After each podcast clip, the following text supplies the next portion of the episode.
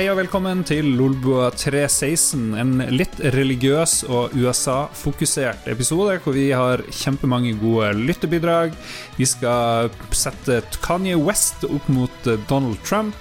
Vi har spilt nye ting, og vi skal snakke om hva vi har spist. Og vi skal dele store ferieplaner og våre feriedrømmer. Snakke om filmer, bøker og masse, masse mer. Velkommen til eh, dagens panel, som ikke inkluderer Jon Cato. Han har eh, korona og driver og soner en dom, som han ofte gjør. I stedet så har vi magiske Philip. Bill Gates, eh, Philip Taront Encitio Nå har jeg glemt det der, eh, skal vi se. Oi. Philip Maurizio Taront Encitio Fløgstad. Ja, det var kanskje litt Satt ikke, Var så, det det satt ikke så langt inne det. Det var veldig rett når Ja. du først kom i gang. Ja. Velkommen, velkommen. Tusen takk. Eh, Hei på deg, Lars. så Veldig har- hyggelig å være her. Sweeterud. Så har vi eh, Mats. Hei. eh, ja Mats Hushovd eh, eh, Hva heter du til etternavn? Johansen. Johansen. Ja. Heter Og vi har Rindal. Rindal Johansen. Herregud, Har du ikke kjent for en Mats i sånn- elendig start. ja, men jeg faka meg sjøl ut med de her kallenavnene, Fordi jeg, av og til så kjører vi kallenavn, og da eh, er det liksom Da må dere finne ut hvorfor dere heter Det heter går bra, de. Rikard. Jeg tilgir deg. Mats, hvorfor heter du eh, Hushovd eh, i dag? Um, for jeg er så glad i å uh, sykle. Ja, det Det var, min det var nye, litt for min nye lidenskap er jo syk sykkel. Sykkel-Mats kan dere begynne å kalle meg. Sykkelmats. Magisk. Det skal vi Ja. få høre mer om. Vi har uh, selveste Bill Gates. Philip eh, Bill Gates Fløgstad her. Hva, hvorfor heter du det? Eh, Jeg er litt usikker, men er det fordi jeg har dratt inn så sjukt mye penger? Filantropen yeah, Philip. Filantropen Philip. Jeg Mhm. glemte jeg skulle google hvem er verdens største filantrop, men jeg tenker Bill Gates er en av de, Ja. en av de store. Nå er det kanskje Og- meg og Ida òg. Ja. Så har du meg, Lars Rikard Olsen. Eh, Lars eh, Ja, Bob Woodward, han som var med og avslørte Watergate. Det er meg. Eh, en av verdens beste journalister. det har jeg ikke hørt. Du er den eneste Ja, som har bra, det er protestert bra, på det det. bra å Jeg liker at du sikter litt høyt, Lars. Det er bra. Det er viktig med ambisjoner. Sikter, sikte jævlig høyt. Det blir en, eh, en litt sånn chill eh, sommerepisode, tenker jeg. Vi har ikke de store agendaene, men eh, det er episode nummer 316. Og Philip, du har gjort litt research der. Hva er det vi forbinder med 316? Ja, nei, jeg tenkte at det var noe, så et lite Google-sekund så er det jo Johannes 3,16 som blir kalt Den lille bibelen, eh, i oversatt til vår setting. For så høyt har Jon Cato elsket verden at han ga Lars den enbårne, for at hver den som tror på ham, ikke skal gå fortapt, men ha evig liv. Amen. Amen. Amen. Så har vi selvfølgelig Sånn det. legendariske wrestlerne Stones Cold Steve Austin, som bare tok det til seg selv og sa Austin 316 says I just whooped your ass. Og så er det gradering av stål. 316 stainless steel. Rustfritt stål. Det, Jeg, jeg ser det hele tida på utstyr vi bruker eh, offshore. Det er veldig vanlig. Det tåler mye. Brukes, eh, brukes i nautiske eh, situasjoner. Da er det bra med 316. Vet du hvorfor det heter 316? Nei, jeg vet ikke. Det er sånn her ta eh, jeg, tror all, jeg tror det mest Mye av stål får en sånn gradering som er tall, som sikkert betyr liksom hvor mye det tåler, og hvor badass det er. Så tipper jeg det er tøft med et høyt tall. jeg syns Ståle Baldvinsson, eh, programlederen i Ragequit, burde ta det 316 til seg, fordi han er veldig opptatt av vann. Ja. Um, han, uh, han ser litt ut som en wrestler, og så videre. Så jeg tror det kunne Vent vært litt, hvor kom den vannbiten inn fra? Nei, Jesus 316 ah, ja, okay. Gikk ikke han på vann og okay. lagde vann til vin? Følg meg, Mats. Det var jo naturlig. Naturlig. Jo, men jeg, Må jeg dere, forstår, jeg må dere være kjappe? Må dere følge med meg her? Det her snur hjulene. Jeg tror alle som hørte det der Alle, alle som hørte det der, skjønte det. Ja. Ja. De tenker at vi er veldig dumme, tror jeg. Jeg tror det. Ok, Mats, du har teasa det, men du driver og er en syk sykkelens uh, apostel for tida. Ja. Har Hva- um, Vi vet at du har kjøpt uh, altfor dyr sykkel. Jeg kjøpte en det altfor dyr sykkel. Det, det, det skal jeg ikke si noe på. Den er teit dyr. Uh, Og så tenkte jeg jeg må jo prøve sykkelen. Så i helga har jeg um, tatt sykkelen ut til øya, som jeg har snakket om tidligere, Rolløya, der familien min har et sommerhus. Jeg kan jo nevne at jeg tok ikke sykkelen med i bilen. Jeg sykla fra Trondenes til ferga, og så tok jeg Nice. ferga over med sykkelen. Så det er liksom en legit Hmm. sykkeltur. Eh, og så har jeg sykla opp eh, litt i fjellet der. Eh, det er jo et ganske høyt fjell, Rolla. Eh, Hmm. Men jeg sykla ikke helt på toppen, for det er litt vanskelig. Men jeg sykla opp til en høyde som heter Ramnefløya, som er rundt 300 meter over havet. Og så er det bare helt sånn høres ut som en gondolbane, eller en, det burde være en taubane dit. Egentlig. Ja, det, det er ikke noe turbane. Det, det er ganske Det står noen benker der og litt sånn. Eh, og noe som heter konjakkbua eller et eller annet. Jeg husker ikke helt. Oi. eh, Tok du med deg konjakk eh, opp? Jeg tok ikke med meg konjakk. Jeg fikk vite i ettertid at det het konjakkbua eller et eller annet. Konjakkhøyden eller ja, noe sånt. Mm. Hvordan går det med ræva når du sykler Eh, sånn det gjør vondt, fordi de her sykkelsetene er så steike harde. Når jeg hadde sykkel back in the day, liksom, så var det jo sånne fine, mjuke seter, men nå så virker det som alle sykkelseter er lagd av det hardeste materialet så, så vi har klart å finne opp. Så, men jeg har fått vite at det er en sånn herdingsprosess. At du kjenner det, Mm. liksom. Du kjenner det veldig i starten, og så venner du deg til det, og så bygger du opp litt eh, resistans. Har, Har du en shaved ass? Ja, det, det, er ikke så mye, det er ikke så mye chafing. Det er bare mer at liksom, du, jeg kjenner at jeg har sittet på noe hardt ganske lenge. Ja. Jobba på noe at hardt, liksom. Philip har mye erfaring med temaet. Hva du Ja. tenker ja, det å sitte på harde ting. Um, uh, jeg var veldig nysgjerrig på om du har sykla opp til Ramfløya før med en annen sykkel? Nei, det, ja, det, og det skulle jeg si litt om, for det er um, uh, Det er 300 høydemeter, men det er 300 høydemeter på, veldig kort, eh, på en veldig kort avstand, så bakkene er utrolig bratt. Eh, Så det, som var, det jeg fant ut av, var at jeg er utrolig glad for at jeg kjøpte en elsykkel, for det hadde aldri i livet gått på en vanlig sykkel. No way at jeg hadde kommet Det hadde vært at jeg hadde trilla sykkelen halvparten av eh, veien, det er jeg ganske sikker på. For det, var, det er så absurd bratt. Noen plasser så var det så bratt jeg måtte, jeg måtte lene meg over styret for å ikke dette bakover mens jeg sykla oppover. For å liksom gi et Ja. bilde over hvor bratt det er. Så, men det var utrolig artig, det var, og det var utrolig digg å komme opp og bare se utsikten og kjenne litt på det. Og så har jeg funnet ut at en annen ting jeg må trene på, er Jeg må trene håndleddene på en måte. For når jeg skulle sykle ned igjen, Ja. eh, så, så kommer jo hele Ja, ja. tyngden av overkroppen min Kommer jo ned på håndleddene. Som Og liksom så rister det jo som faen, gjør det ikke det? Ja, ja, ja. Det er veldig mye risting. Så jeg må finne en treningsform hvor jeg kan herde håndleddene litt, uten å herpe dem helt. Hvordan er det man trener høyre håndledd igjen? Hva er det noen som har noe gode Ja, det det du som har noen gjør treningstips, Ja. så bare send inn kommentarer til oss. Nei, ja, det, For du høyre og venstre håndledd samtidig. det du gjør, er at du går, og så setter du deg ned på PC-en din, og så strekker Mm. du deg fram til musa, og så skifter du sensitiviteten på musa di masse, sånn at du må gjøre sånn med hånda di hele tiden, og så får du trent opp. Ja, for jeg har, jeg har, Ah. faktisk, jeg har faktisk ganske lav sens på musa mi når jeg spiller skytespill, så det er veldig mye sånn. Ja, Men jeg føler at det jeg trener mest da, er skuldra og albuen, på en måte. Det ser ut som du er karatekid og driver og skal male veggen, nei, vokse bilen, når du, bruker, når du spiller med mus. Ja, ja det er så veldig enormt liten sens. ja, Scroll left, scroll right. ja. Hvis, Eh, jeg skulle, hvis jeg hadde hatt eh, kamera, så skulle jeg visst hvor stor musmatte jeg hadde. Ja. Vi må si takk til Torgmann, som eh, følger oss eh, akkurat i det her øyeblikk på Twitch. For de som lurer på det, så kan man høre oss live hver uke der. Ja. Jeg- Mens vi er på Ja, Hvordan, men Lars liker jo også å sykle. Jeg foreslår at dere planlegger til neste sommer. Litt, eh, Sette av litt Patron-penger, og så drar dere til Frankrike og så lager dere sånn sykkelserie hvor dere sykler rundt og snakker om ting og drikker vin og sånn. Det blir mye vin. mye vin, mye snakking. Litt sykling. Ja, jeg liker, jeg liker Ja. ideen. Filip, du, du, du har jo ikke så mye sykkel, kanskje? Jeg vet ikke, har du sykkel? Eh, nei, men eh, dette er eh, Jeg var jo på dette for litt stund siden, at dette med elsparkesykkel, og det Ja. har jeg faktisk eh, kjøpt. Og ja, går bare 23 km riktignok, men eh, drar veldig godt opp bakker og sånn. Det var liksom litt viktig for meg at jeg kunne fylle sekken med øl og kjøre opp til parken eh, uten problemer. Nice. Så det, 23 km i timen er jo plenty når du suser rundt i sentrum, liksom. Ja, Jeg ser ikke for meg at du har lyst til å kjøre noe raskere enn det, egentlig. ja, for det absolutt aller meste så, så er det helt i orden. Men når jeg var og henta han, eh, så kom jeg i snakk med et par folk, da, og de nei, nei, de skulle, skulle låse den opp. Da, da går den i 50 km. Og det var sånn herregud.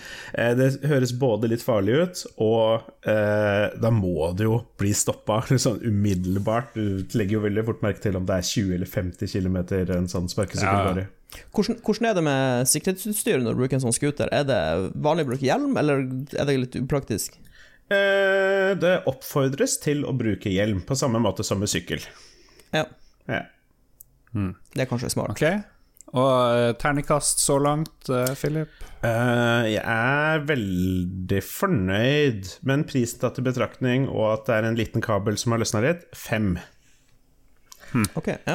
Men eh, sånn, i all hovedsak så holder jeg meg ikke utendørs. Det er jo inne foran PC-en jeg sitter, eh, og det gjorde jeg også nå tolv timer i helga. eh, hvor vi da fikk gjennomført denne En Pride-stream i samarbeid med våre gode venner i Rad Crew, som forhåpentligvis en del av de som hører på denne podkasten, fikk med seg.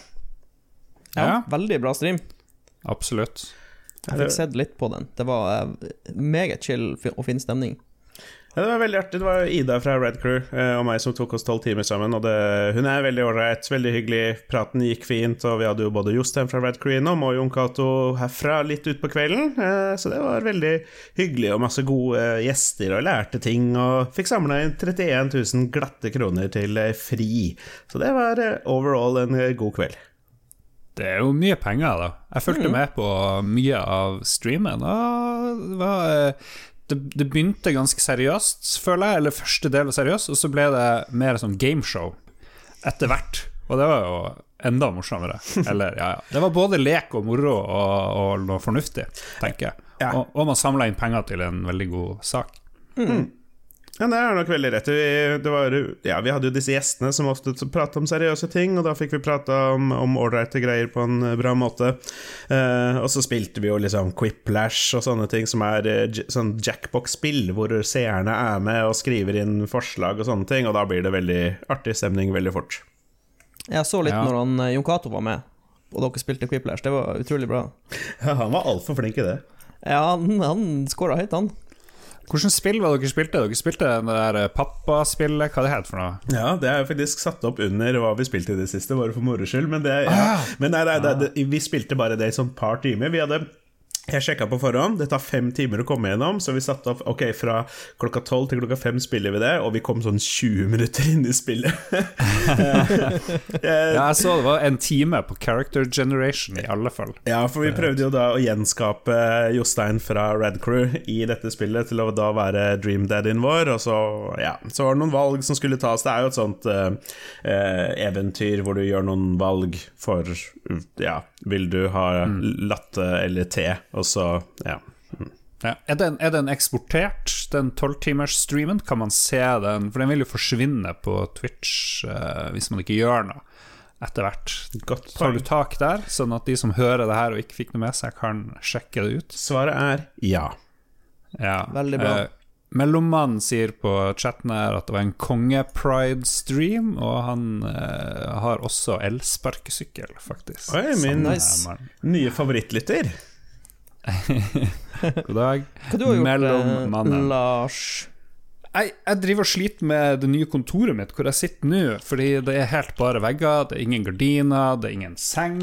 Det er et teppe her, da. Det er det. Så når jeg skal spille inn, så må jeg dra inn masse dyner. Jeg drar inn, Hvis jeg har noe klær til Ah. tørk, så drar jeg inn tørkestativet. Det står ved siden av meg. Pledd og greier, sånn at det ikke skal høres helt jævlig ut. Fordi Jeg får spise opp litt lyd. Ja, jeg er jo lydnazien, ikke sant, og det er jo veldig flaut hvis jeg skal ha den dårligste lyden. Så det jeg begynte med Det var faktisk moderen. Hun av og til så får det for seg å skal gjøre livet mitt bedre, fordi jeg er jo Hvis jeg kan utsette ting, eh, la være å gjøre noe, så gjør jeg det, Mats. Eh, Ja. ja. Jeg kan skrive under på det. Hvis ikke jeg ser det, og hvis ikke jeg tenker på det, så gjør jeg ingenting med det. Det kan. Sånn er det bare. Men hun fant ut at eh, hva med å henge opp gardiner langs en hel vegg? Du har en sånn skinne i taket, og så får du en sånn Twin Peaks-aktig eh, bakgrunn med fra tak til gulv eh. Det syns jeg var en fantastisk eh, morsom idé. Jeg så med en gang for meg sånn rød Red Velvet-aktig Ja, jeg tenkte på, fløy, jeg tenkte på rød fløyel med en gang, jeg også. Ja, ja, ja. Så, så, det er drømmen min. Så hele veggen der det er vindu, og uansett bør være noe som dekker til. Fordi de som går forbi på gata, de ser rett ned på meg her bak Mm. garasjen min. Så hvorfor ikke dekke til bare hele driten? Og hvis det går helt fra gull til tak, så er det litt mystisk. Hva er bak der, vil folk som ser inn her? Liksom, det er en helt ny dimensjon til rommet. Fuck det, vinduet kan, det må være dekket til hele tida uansett, pga. lys og innsyn og sånne ting. Det er syv meter til folk, 20 meter til naboen som ser etter Mm. uansett. Så det er et prosjekt som er på gang, og jeg er jo verdens minst praktiske fyr. Eh, muligens Harstads i hvert fall minst praktiske fyr. Så det å sette opp gardinstenger er dritvanskelig for meg. Jeg hater det. Jeg får sånn her eh, vondt i magen, og jeg vet ikke hva det er med meg. Det, det, min familie gjorde aldri noe praktisk, sånn som jeg husker det. Og I hvert fall ikke min pappa. Han var liksom Han gjorde nothing. Så, så, men jeg måtte sette opp en sånn skinne i taket, og det gikk faktisk utrolig bra. What the fuck? Um, eneste er at denne boret mitt er litt sånn skeivt, eller så noe er skeivt. Så når jeg har en skru inne der, så vingler den og jævlig. Har du satt den inn rett? Nei, sikkert ikke. Kan det være brukeren? Ja. ja. Men eh, fordi jeg har en Ryobi, og det skal jo være sånn helt ok. Ja, det er det, er jo, decent. det er jo ikke jævlig dyrt, men Det er ikke, det er ikke blå Bosch, men eh, det er, det er, ok, det er innafor. mm. jeg hang også opp noen gardiner her i den leiligheten her for eh, ja, et par måneder siden og det er, kan være en utfordring, for jeg er litt som deg, Lars. Jeg er heller ikke en uh, utrolig eh, praktisk anlagt fyr. Dessverre så har jeg ikke den unnskyldningen du hadde, fordi faren min var det. Jeg bare klarte ikke å adoptere noe av det, på en måte. Så. Du absorberte det ikke. Men jeg, jeg, jeg er adoptert, jeg skylder på det. Hvis det er trøst, Philip, så er også min far utrolig praktisk anlagt, og jeg har ikke plukka opp alt, for å si det sånn.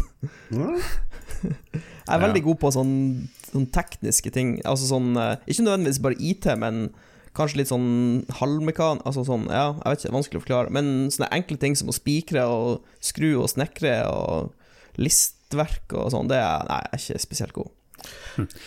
Den her er jo episode 316, og egentlig så burde vi jo gått til musikk nå etter at vi er liksom ferdig med hva vi har gjort, men siden Jesus eh, 316 og alt det der, Ståle Baldvinsson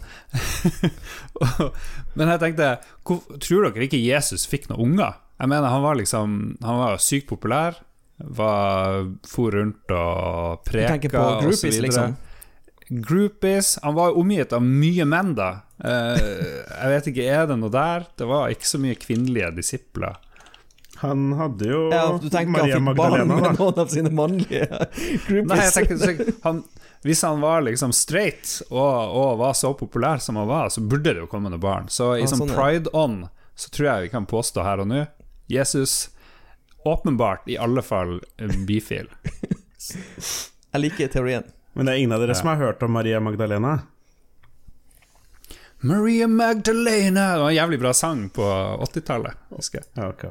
You're a Ja, ja, for det var creature vel, of det var night. vel uh, sidepiecen hans. Var det det? La oss kalle, kalle henne det.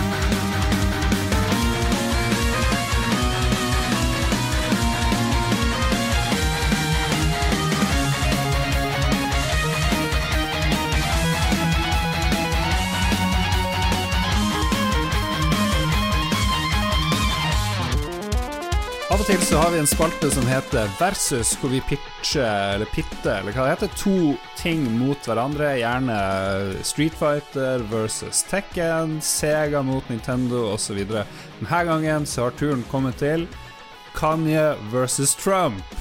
Dam, dam, da. Her om dagen så, så tweeta Kanye at uh, han stiller til presidentvalg i år. Og vi har jo fått litt kritikk for å, å ha et slags eh, ja, ikke 100% dømmende forhold til Trump, da, før valgkampen. Nå har han til og med sagt at vi var instrumentelle i å få han valgt. Eh, jeg skal ikke faktasjekke akkurat det, men jeg tenkte kanskje vi bør bytte. Skal vi gå fra å støtte Trump ironisk til å støtte Kanye West ironisk? Det er liksom det vi må finne ut av her. Hva dere Ja. tenker gutter? God idé, dårlig idé? Det er en god idé. Det er det definitivt noe å lage underholdning ut av. Jeg har allerede gjort meg opp en mening, selvfølgelig. Eh, basert på egentlig Ja. tre ting. Um, Ja, det må vi vente med. Men- vi- skal gå Mhm. gjennom ting Men- delvis her, Ja, for så det- dere kan bidra. Ja, for jeg er veldig åpen for å, for, å, for, å, for å få utfordret mine forutinntatte meninger, og jeg gleder meg til at du nå skal legge fram de harde faktaene, så vi kan ta ordentlig Ja. stilling til ting. De Ja. viktigste faktaene vi trenger, kommer nå. Er Vi begynner med alder. Vi begynner med alder for å få det klart. Kanye West, 43 år gammel. Han er sånn min alder, ish. Jeg er ett år eldre enn han. Trump, 74 år. Og med en gang tenker jeg Jo lengre du har levd, jo mer har du liksom å komme med, stort sett. Ja eller nei? Ja, vi ser jo på, bare på denne podcasten her, kanskje spesielt denne episoden her, at det er jo helt feil. Så jeg, jeg, jeg sier Ja, nei, nei jeg til til det. Ja, Ja, okay. nei, så, sånn Ja. det, det at alder har så mye å si, er sånn sett. Jeg tenker Nei. Theodore Roosevelt var 42 år da han ble president, så kanskje det er et tegn. Ja, ja. Um, jeg er for så vidt enig. Jeg tenker at Trump begynner å se litt skral ut, der han driver og valser rundt. Han klarer ikke å holde vann med én hånd og sånn der. Det er litt Ja, når du må ha to, to hender på vannglasset Det er ikke et bra tegn. Men Det kan skje den beste hvis jeg har vært og trent veldig armer. Ikke sant, Det gjør jeg én gang i året. Da klarer ikke jeg å holde eh, et glass vann Ja, ordentlig. men vi vet, da begynner det å riste. Trump, vi vet at han Trump ikke tror på trening, for det har han sagt offentlig. Så han hadde mm. ikke den unnskyldninga. Og så er, det, Ja. det så er det litt dårlig å ta opp når han skulle gå ned den rampa som folk gjorde litt narr av. Og det er liksom Mm. greit nok, men så går han ut selv og bare Å, den rampa var faktisk sjukt glatt, altså, jeg lover. Og da, kom igjen. Ja, det gikk jo en fyr rett ved siden av han òg, som ikke hadde problemer. Så ja, det spørs. Ok, jeg er for så vidt enig. Det du bør ha en litt yngre president. eh, I hvert fall når den andre begynner å, å ikke klare å gå. Men vi ville jo, vil, vi vil jo valgt kanskje Bernie, som er knusgammel, Ja, over Kanye, så det har jo ikke så mye å si heller, har det det? Det er Nei, en arm versus, nei, også alderen er ikke det eneste, for å si det sånn, men det er jo, Mm. det er jo en del av det. At man tenker jo Bernie er gammel. Det er liksom Det er jo et Ja. aspekt. Jeg tror alle er litt enig i at uh, Kanye kan få den. Han er ung og fresh. Mm. Og så har vi hvor populære er de. Uh, og det best, måler vi jo best med hva de har solgt mest av. uh, av kunst og kultur. Det er vi alle enige om. Trump har solgt, ifølge nettet, da ca. 1 million bøker av den der, The Art of the Deal, som jeg tror er hans største bok. Han skrev den vel ikke helt sjøl, men han satt og babla med en eh, journalist eller forfatter. Og lagde en knallbok. Jeg har ikke lest den. Det høres ut som en kjempebok. Veldig bra. Kanyes største album er visstnok The College Dropout. Alt det her er googla på to minutter. Og den solgte 3,3 millioner. Så Kanye åpenbart eh, størst kultursuksess, Mm. vil jeg påstå. Men liksom det, det å selge mye er jo ikke det samme som kvalitet. Men eh, føler dere at Kanye er en bedre kunstner enn Donald Trump? Vi må ikke glemme av den der reality-serien til Trump. Ja. ja. Det er jo Den hadde jo ganske Men samtidig, hvis vi skal begynne å snakke om sånn Spotify-avspillinger og sånn, så tror jeg Kanye West gruser Donald Trump uansett i sånn popularitet. Det tror Ja. jeg. Ja. ja. Jo, jeg tror også det. Men den der, det er et godt poeng, The Apprentice-serien som han var Ja. programleder for. Det var jo en knallsuksess. Jeg så det jo, jeg syns jo det var helt superfestlig. Mm. Spesielt de her celebrity-greiene og Gene Simmons og Jeg vet ikke, mye, mye loco Locos. Sett, noen, jeg har sett noen episoder av det sjøl. De lagde vel sånn Men 10 000 sesonger også. Jeg tenkte aldri den fyren her kommer til å bli president, må jeg innrømme. Men jeg har snudd. Jeg tenkte først at Kanye var den beste sånn kulturelle ambassadøren, men når du ser på The Apprentice, og hvor mye underholdning det har gitt meg, så gir jeg seieren sjøl til Trump. Hva Ja. dere, hva dere gjør Jeg støtter, jeg støtter det, Lars. Okay. Det er viktig med litt uh, Vi kan ikke Vi må liksom vi må, Det må gå litt fram og tilbake. Det kan ikke bare gå til én, liksom. Ja, Jeg orker ikke være for, eh, for reaksjonær. Så har- Trump, Trump har også gitt oss Trump-steaks. Og vin, tror jeg. Det er Ja, ja. tar jo ikke slutt. Han er jo litt Ja. av en innovatør. Trump Academy eller college. Fins det en Kanye West-biff? Nei, jeg tror ikke det. Nettopp. Ja. Ja. Da er det 1-1. The defense Eh, rests. Hvem, er, hvem har tjent mest penger av Kanye og Trump? Her eh, støtter jeg meg på kjapp googling her òg. Eh, første resultatet Trump 2,1 milliarder dollar, sikkert. Kanye 1,3 milliarder dollar. Trump åpenbart en bedre businessmann enn Kanye West. Jeg vet ikke om vi kan stole på alle de tallene som blir rapportert inn. For uh, det, det er mange kilder som sier at han, Trump ikke er så rik som han skal ha det til. Ja, så liksom Han har, han har, han har mye penger i eiendom ja, eh, på Manhattan. Det har han, det kan man ikke ta fra han. Men uh, han har også mye gjeld.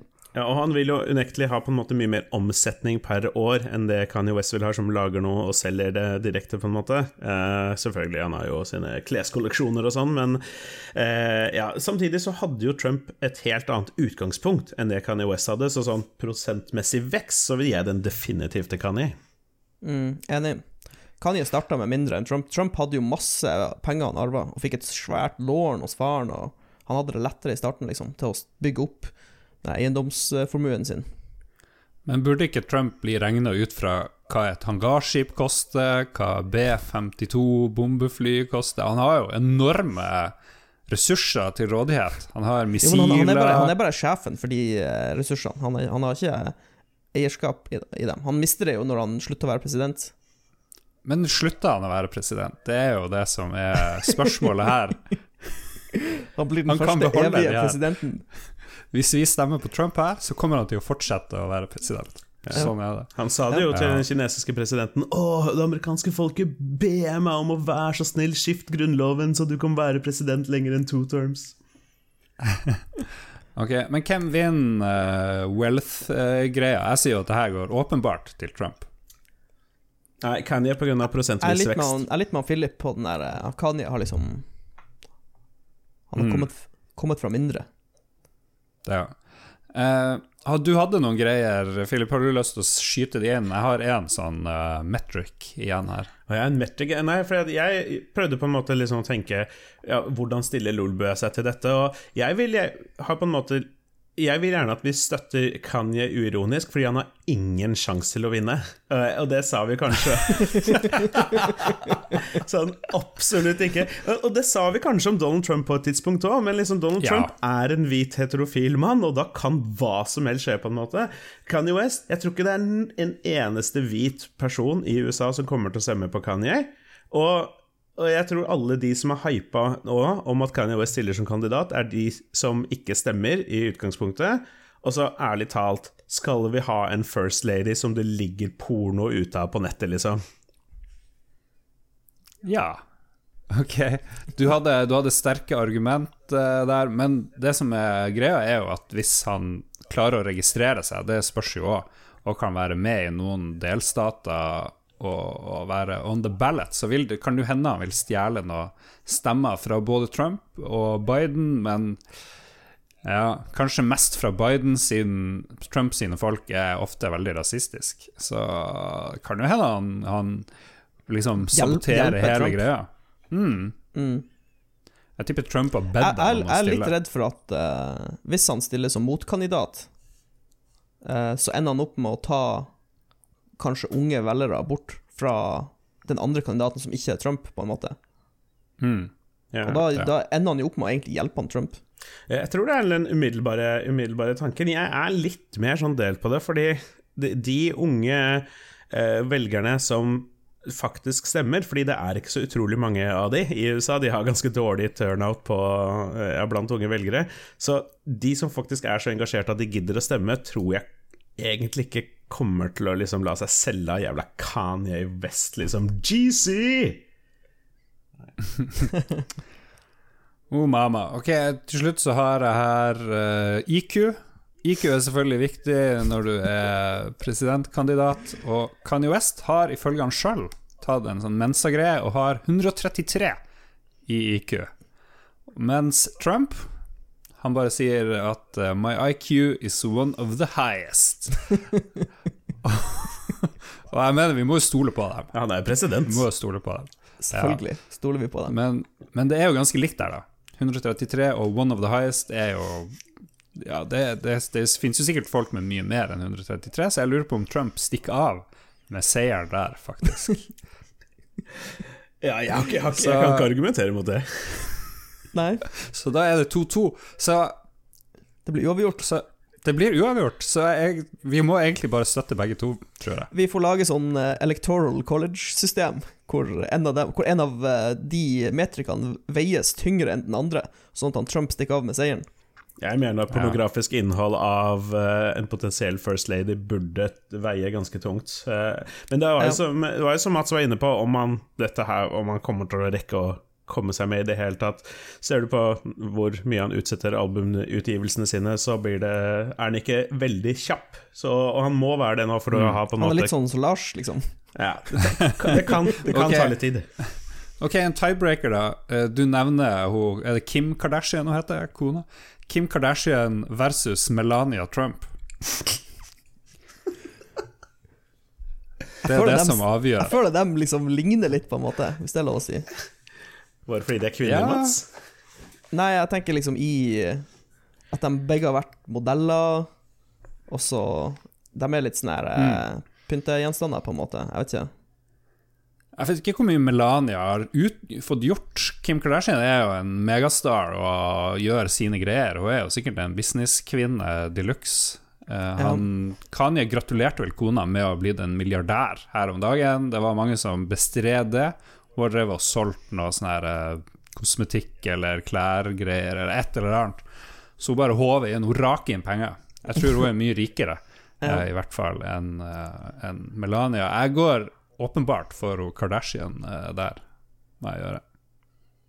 Ja, jeg, tenker nok, jeg tenkte litt det samme som Mats sånn umiddelbart, men jeg, jeg er enig med Lars. Altså, det er mer bein i nesa til Kim Kardashian. Melania dilter jo egentlig bare etter. Eh, hvis eh, først Kim er uenig, så tror jeg hun sier ifra på Instagrammen sin. Jeg, Jeg, jeg, kan, jeg kan si meg Jeg, jeg joiner dere på den. Okay. Skal vi si da at uh, Lolboa har reversed? Vi støtter ikke lenger Donald Trump. Nå er det Kanye West 2020.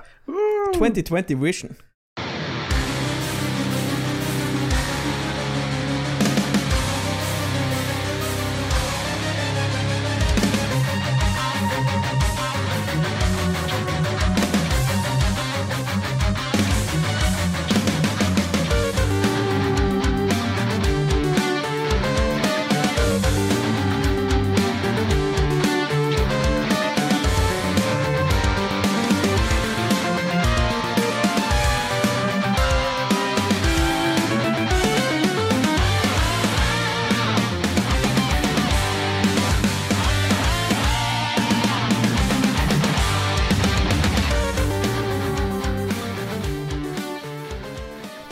Skal snakke om hva vi har spilt i det siste, og for meg sjøl Jeg har fått ord på meg for å spille veldig lite. Jeg er jo, For de som hører Ragequit, så er jeg dypt inne i Fallout eh, 76. Um, jeg ble jo født i 1976, og det ble selvfølgelig et spill jeg måtte spille veldig mye. Jeg har ikke tort å snakke så mye om det her i Lolbua, fordi det blir veldig flau, så jeg foreslår at dere bare hører nye siste Ragequit episode 4 og får høre hva det er som jeg syns er veldig bra der. Det ble en uh, fin, morsom episode. Jeg, jeg, jeg begynte å bli litt fan av Ragequit. Uh, Ja. jeg si. Jeg, synes, jeg, liker, om dere har hørt, hørt, har hørt eh, jeg har hørt på dem. Jeg liker, jeg liker det. Veldig artig Mm. greie. Veldig alternativt. Men du mener Jeg trodde kanskje det var, var sånn at et skript eller noe sånt? jeg. Du liker faktisk Fallout 76? Jeg har spilt ca. 3000 timer. Modda Fallout 76, jeg kan spille det offline. Ja. Det er noe som heter The Grey Mod. Veldig bra. Anbefaler alle å høre Ragequit episode 4. Ok. Eh, Philip, du har allerede nevnt at du har spilt noe, noe sånn her eh, dad-simulator eller et eller annet. Ja, dette var dette Dream Daddy som vi spilte på stream nå i helga. Eh, Det er et spill jeg har hørt om, men aldri testa. Det var for så vidt artig nok å, å spille. Det var artig dialog, var på en måte kult skrevet. Eh, men i seg selv så er jo spillet du bare velger ting. Eh, samtidig så er det um, Doki Doki Literature Club en av mine topp fem spillopplevelser fra de siste ti åra. Det er jo også et sånn type bare klikk og les-spill, så eh, Men ja, dessverre kom vi ikke mer enn sånn 20 minutter ut det, så vi får se om vi får sjekke ut en Let's Play på YouTube eller noe. ok. En uh, solid uh, review der, altså. Mm. Har du spilt noe annet? Ja. du har jo vært veldig på dette med Last of Us 1 i det siste for å få spilt Last of Us 2, og jeg har gjort akkurat mm. det samme. Um, og jeg tror jeg har hatt litt samme opplevelse som deg, hvor det er at oi, dette spillet er kult, og, men det er litt langt, men nå må jeg være ferdig snart, og så blir det aldri ferdig. men jeg håper jeg er litt rett rundt hjørnet nå, for nå vet men, jeg Uh, at jeg vet at nå har det som Lars spoila for et par episoder siden, nå har det skjedd. Så da vet ah. jeg at nå er jeg på vei mot målet, i hvert fall. Men er det bare jeg som syns det var veldig lett å skjønne hvor jeg var i spillet? For det, jo, det, jo, det går jo på årstider. Er det ikke logisk å forstå hvor man er i spillet da? Jo, det er mer at jeg føler jeg har gjort så mye. Oh, ja, okay. ja. Jeg syns jeg sånn... kom til vår og vinter sånn tre ganger før jeg var ferdig. Men det er kanskje bare jeg som ble litt utålmodig. Ja, Nei, jeg syns det, det, var et fantastisk spill.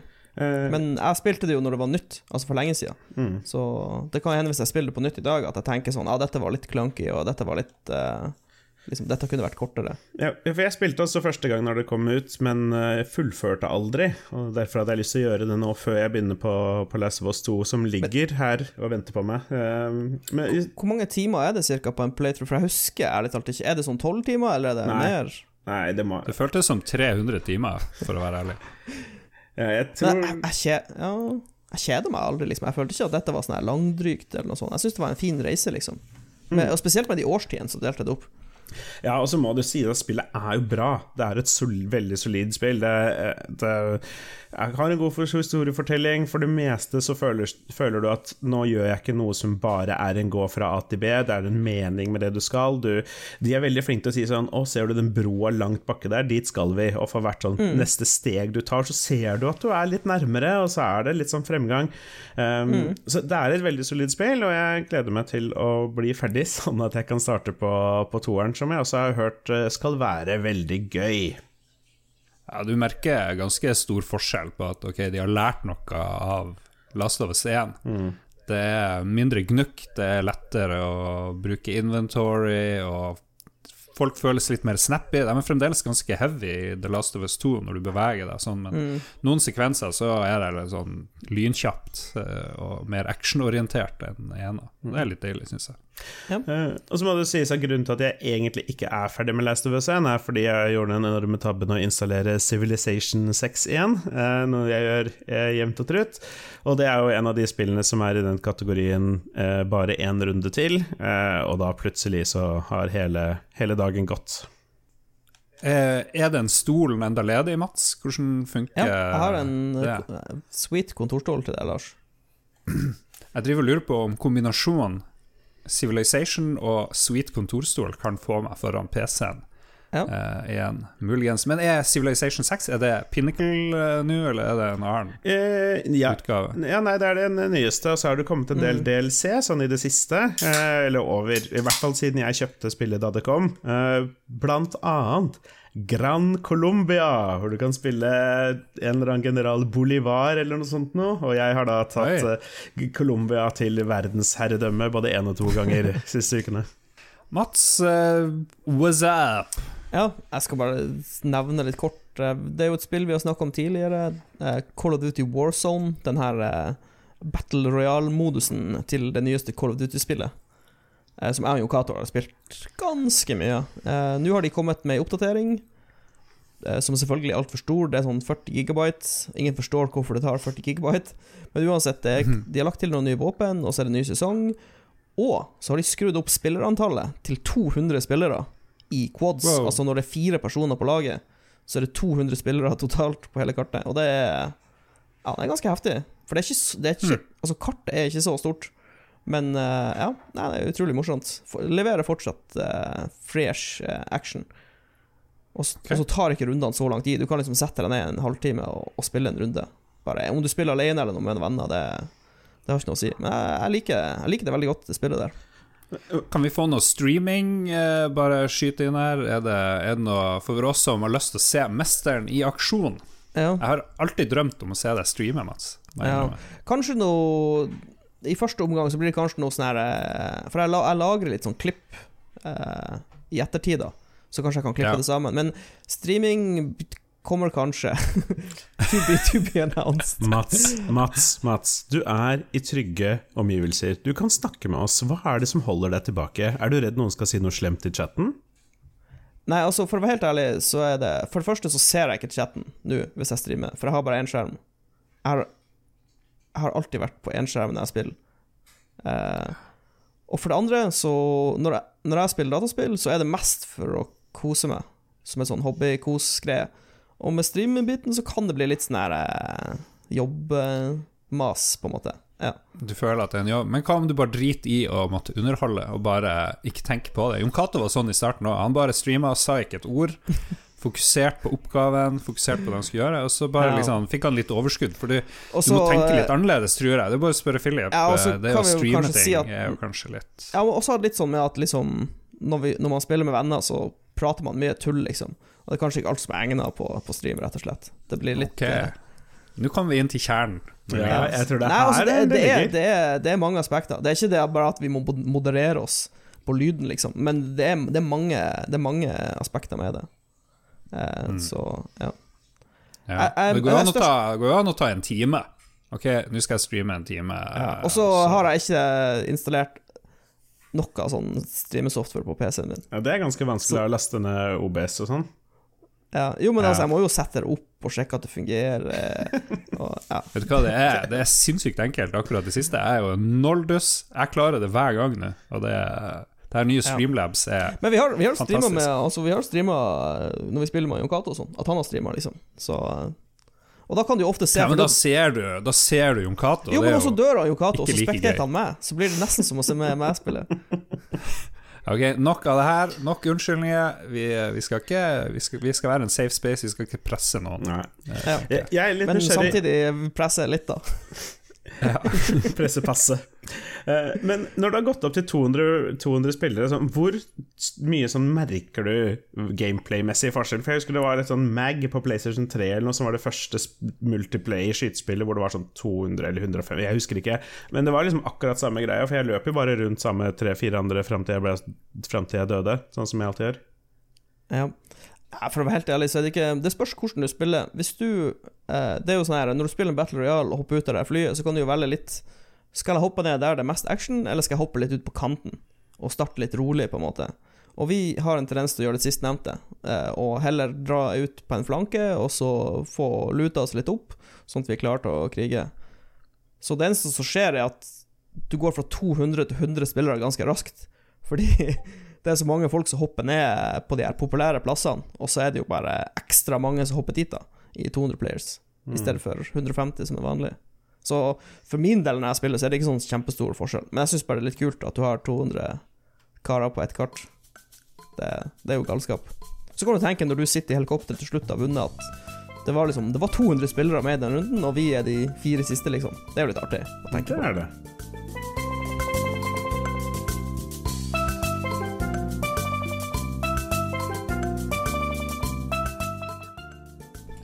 Av og til så tar vi opp den magiske spalten uh, Hva har vi spist i det siste, som Jon Cato har uh, innført.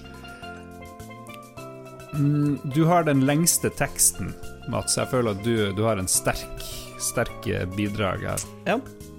Nei, det har seg sånn at uh, når jeg var ute og sykla og svetta, så måtte vi jo grille etterpå.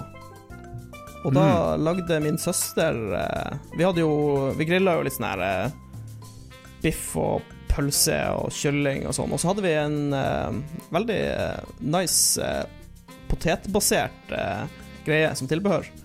Som var mm. gratinerte søtpoteter med flere typer ost. Altså Som man griller på Nei, den ble lagd i ovn. den Det ble lagd i ovnen. Vi juksa. Ah. Det, du kan kanskje få det til på grillen, men det blir Ja, det blir ganske vanskelig. Men uh, forskjellige typer oster på toppen av cheddar og parmesan og sånn. Og det jeg, jeg må innrømme, jeg er ikke verdens største fan av søtpotet. Jeg syns det er litt bullshit. Vanlig potet er mye bedre i alle uh, former. Men akkurat denne retten uh, fungerte veldig bra. For du fikk, du fikk så mye smak fra de her ostene, som liksom samarbeida ganske bra med, med søtpoteten. da Og så ble det en bra konsistens på søtpoteten. Så ja. Hvis du er litt på gjerdet med søtpotet, prøv en, prøv en sånn variant. Så tror jeg kanskje du kan snu. Mm. Vi hadde, Eh, vi hadde en, eh, et bofellesskap en gang hvor vi snakka om at eh, Eller hadde en teori hvor all mat ble bedre med mer ost. Spesielt smelta ost. Du kan putte liksom hva som helst i ovnen, ha masse ost oppå, og så blir det, blir det bra. Mm. Ost er liksom juks. Cheat codes. Mm. Men, men det som teller for søtpotet, er jo at det er mye sunnere enn vanlig Det potet. tviler jeg sterkt på. Kanskje ikke når du dynger det ned med ost, men, Nei, men det ville Er det ikke mer kalorier i søtpotet? Nei, skal vi, skal vi google det med en gang? Potet okay. eller søtpotet, hva er sunnest? Kvinner og klær? De har De vet. De har gjort research. De har De har fasiten på søtpotet. Nei, men kanskje du har rett. Jeg har egentlig ikke tenkt over det. Jeg har bare tenkt at søtpotet er lik eh, mer kalorier. Eh, Vi må scrolle ned. Eh, Sånn generelt sett så er jo ting som smaker bedre, mer usunt enn ting som smaker verre. Ja, men søtpotet er litt sånn hm, Smaker det egentlig bedre? I seg sjøl, Eh, liksom? hvorfor søtpoteten har blitt så trendy de siste årene, er ikke godt å si. Og de to ernæringsfysiologene tror effekten søtpotet kan ha på blodsukkeret, muligens kan ha fått en overvurdert hype i media.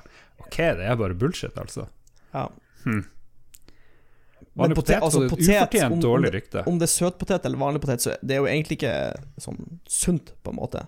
Det er jo ikke sånn De sier du bør ete litt av begge deler. Må du Ja. ete begge deler? Jeg eter jo aldri potet. Shit. Ok, Nei, Du må ikke spise holde. potet. Jeg tror moralen, Jeg tar feil. jeg tror moralen er Jeg potet eller søtpotet, har masse ost på. Ja. Da blir det sunt og godt. Ja. Velkommen til matbua. Kjempegreier. Ja, Lars, hva du har spist? Jeg har eh, vært ute med byen på fredag. Ute med byen, ute med jobben på byen fredag. Vi skulle takke av en ansatt, og så drev jeg og tenkte skal jeg ha torsk eller skal jeg tapas. Og så jo mer jeg tenkte over det, jo mer ville jeg tapas. For da kunne jeg få litt av dagens fiskerett, litt av dagens kjøttrett. Det var entrecôte skåret i sånne tynne, nice biter. Det var torsk i magisk saus. Chorizo, foccaccia, oliven. Um, ja, det var så godt. Tapas er liksom Hvorfor eter man ikke bare tapas? Får du litt av alt? Det er sykt mye arbeid hvis du skal lage tapas. Eh. Altså, på en Ja. sånn plass er det jo greit, for da har du jo alle tingene liggende. Men hvis du skal lage tapas hjemme, så må du jo kjøpe inn all den der driten. Så det er ganske Ja. styr å lage. Jeg tenker at taco er liksom en enklere tapas, på et vis. Det er jo det. Det er jo sånn getto-tapas. Ja. Meksikansk getto-tapas. Ja. Nei, så jeg anbefaler alle som ikke har prøvd tapas, tipper det er kjempemange som aldri Den har hørt om lytteren tapas. som ikke har spist tapas. Unik anbefaling fra meg. Men tapasen på eh, Bark i Harstad, midt i sentrum der um, Ta turen. Ta turen, alle sammen, det- med en gang. Jeg lurer på om ikke vi skal ta deg på den. Jeg, har kanskje ikke gå til den restauranten, men eh, jeg tror Gelaré, min samboer, aldri har spist tapas. Fordi hun har, ikke spist, hun har ikke spist det etter at hun kom til Norge. Og jeg tror ikke Ja. det er så mange tapasrestauranter i Teheran. Eh, Ah. Så det mistenker jeg at du faktisk ikke har gjort. Det er bare sånn man kommer på. Så det, det lurer jeg på om vi skal finne et sted å stikke. Og det er en veldig fin overgang, fordi det er hun som står bak min siste eh, artige matopplevelse. Um, vi hadde min far og, og hans kjæreste, de har vært sammen i 20 år, da, så det er litt Ja, uansett, uh, på besøk. Og da lagde hun persisk mat, blant annet noe som heter en tachin. Det er en persisk riskake. Um, som kanskje høres litt rart ut, men det er ris, og så selvfølgelig masse safran, for de veldig De bruker mye safran, eh, og eh, kylling som du steker, og så kaster du det på en måte sammen, og så stappes det sammen og serveres som en kake. På en måte, Sånn at du skjærer et stykke av denne og tar den ut, og da får du på en måte et stykke med da safranris og kylling i på en måte en, ja, et kakestykke. Er det populært på bursdager og sånt, vet du det? Mm, nei, men det ser jeg ikke bort ifra. Det er jo en god kombinasjon av mat og kake. Ja. Når vi, eh, folk som meg, litt kjedelige folk, eh, koker ris, så er det vaniljaris. Det er ingen krydder og sånt. Men det har jeg sett at det er mange som slenger på litt ekstra juice. Få, få noe smak i risen, og det er jo, jo det er jo sånn et godt tips i seg sjøl. vi har jo sånne eh, greier hvor man har sånne puffa ris, og så har du masse sjokolade og klebrer det sammen og sånn. Er, det, er, er ikke det en ting? Jo, Så du har det sånne barneselskap og sånn. Ja, en sånn muffinsformaktig ja. ting. Ja. Må ikke undervurdere risens eh, allsidighet. Men jeg er enig med Lars at det, det hjelper mye å, å, å speise opp risen litt. generelt det gikk mye aromatkrydder i min ungdom, husker jeg. Men eh, vi bruker da mye safran, som for så vidt er ganske dyrt. Men i eh, Iran så er det ikke eh, så Der er det ikke så ille. Så vi har en sånn line med, med safran som sendes oppover med jevne mellomrom. Oi, oi, oi, dere smugler inn safran fra Iran. nice.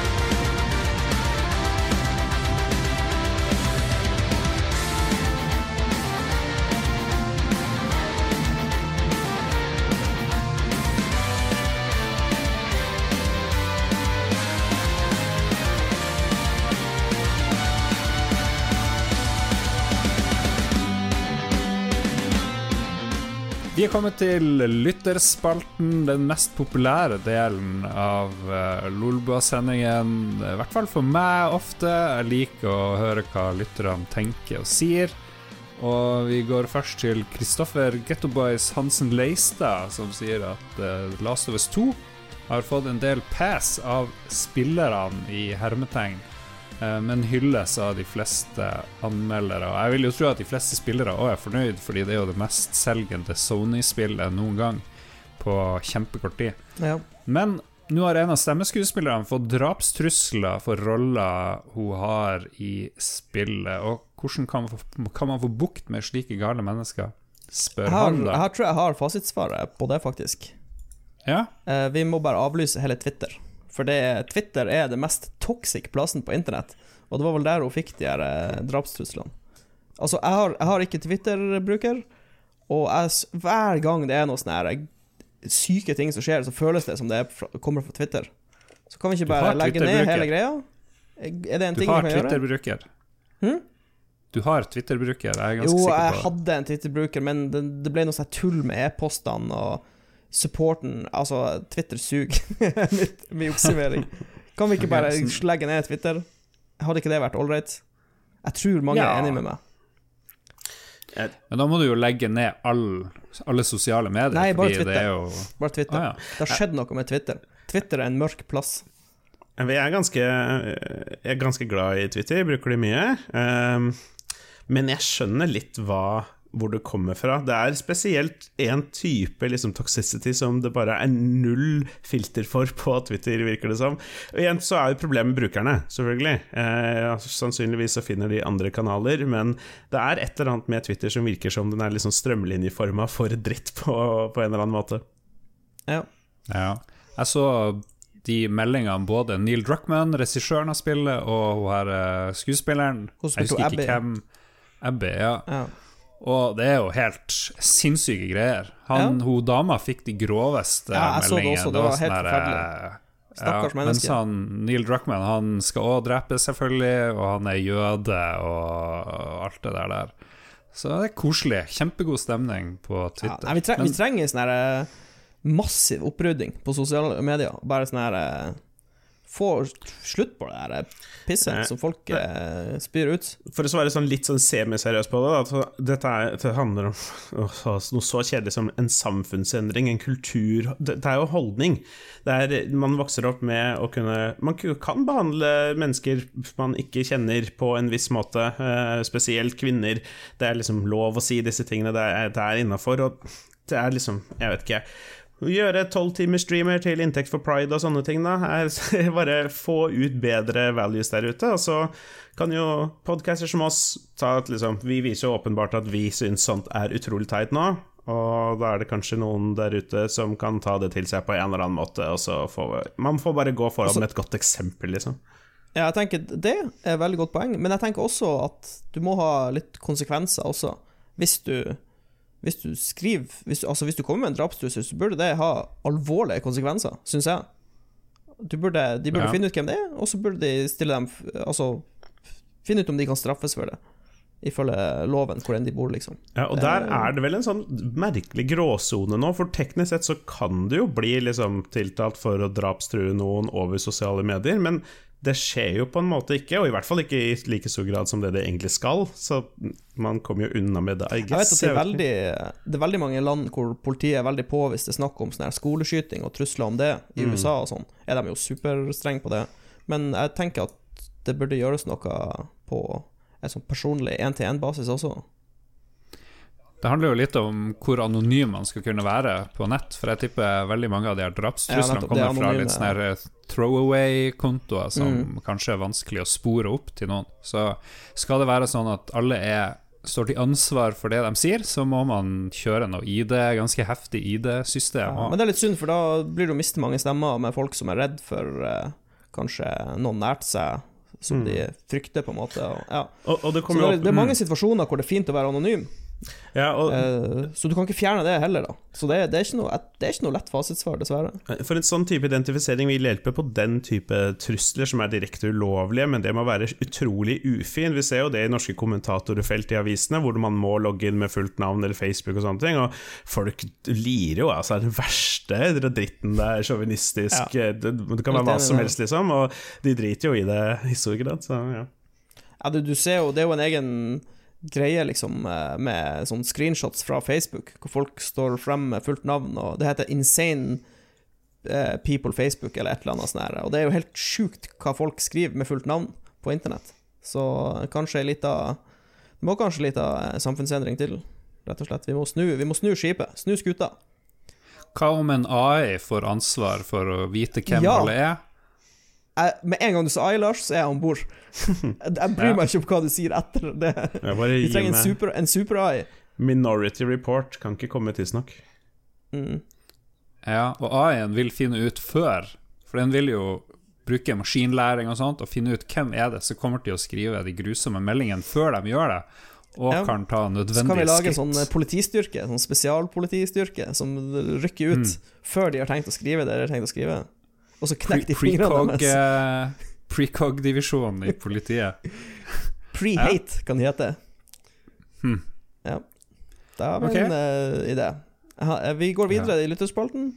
Han Bjørn Bjelland lurer på om vi noen gang har spilt i fylla og gjort noe helt idiotisk eller genialt som vi ikke oppdager før vi har starta opp spillet igjen dagen etterpå. F.eks. døste alle kortene sine i Hearthstone, kjøpe smurfesaft for tusenvis av kroner i smurfespillet, eller drepe en boss i et eh, From Software-spill. Det var veldig Mm. spesifikke eksempler han kom med. Jeg mistenker han har gjort alle tre. Eh, ja, hvordan, du, jeg ser for meg hvis noen er spiller i fylla, så er det han Lars. Ja. Han er, Ja. Har du, en, har du en, en liten historie? Jeg har både spilt og klippet podkast i sånn her eh, Kommet hjem fra byen, ganske på en snurr. Eh, Ja. Burde ikke ha drukket så mye, burde dratt hjem mye før. En øl ble til syv, og så videre. Og så våkna jeg dagen etterpå, og så bare Hm, det var og klipte podkast i går kveld. Og hvordan Jesus høres det ut? Så må jeg liksom høre på nytt det jeg har kjørt på med. Men det det er ganske lenge siden det var, var et opplegg. Jeg, jeg tåler jo ikke alkohol like bra som før, osv., så, videre, så jeg må roe, roe litt ned, dessverre.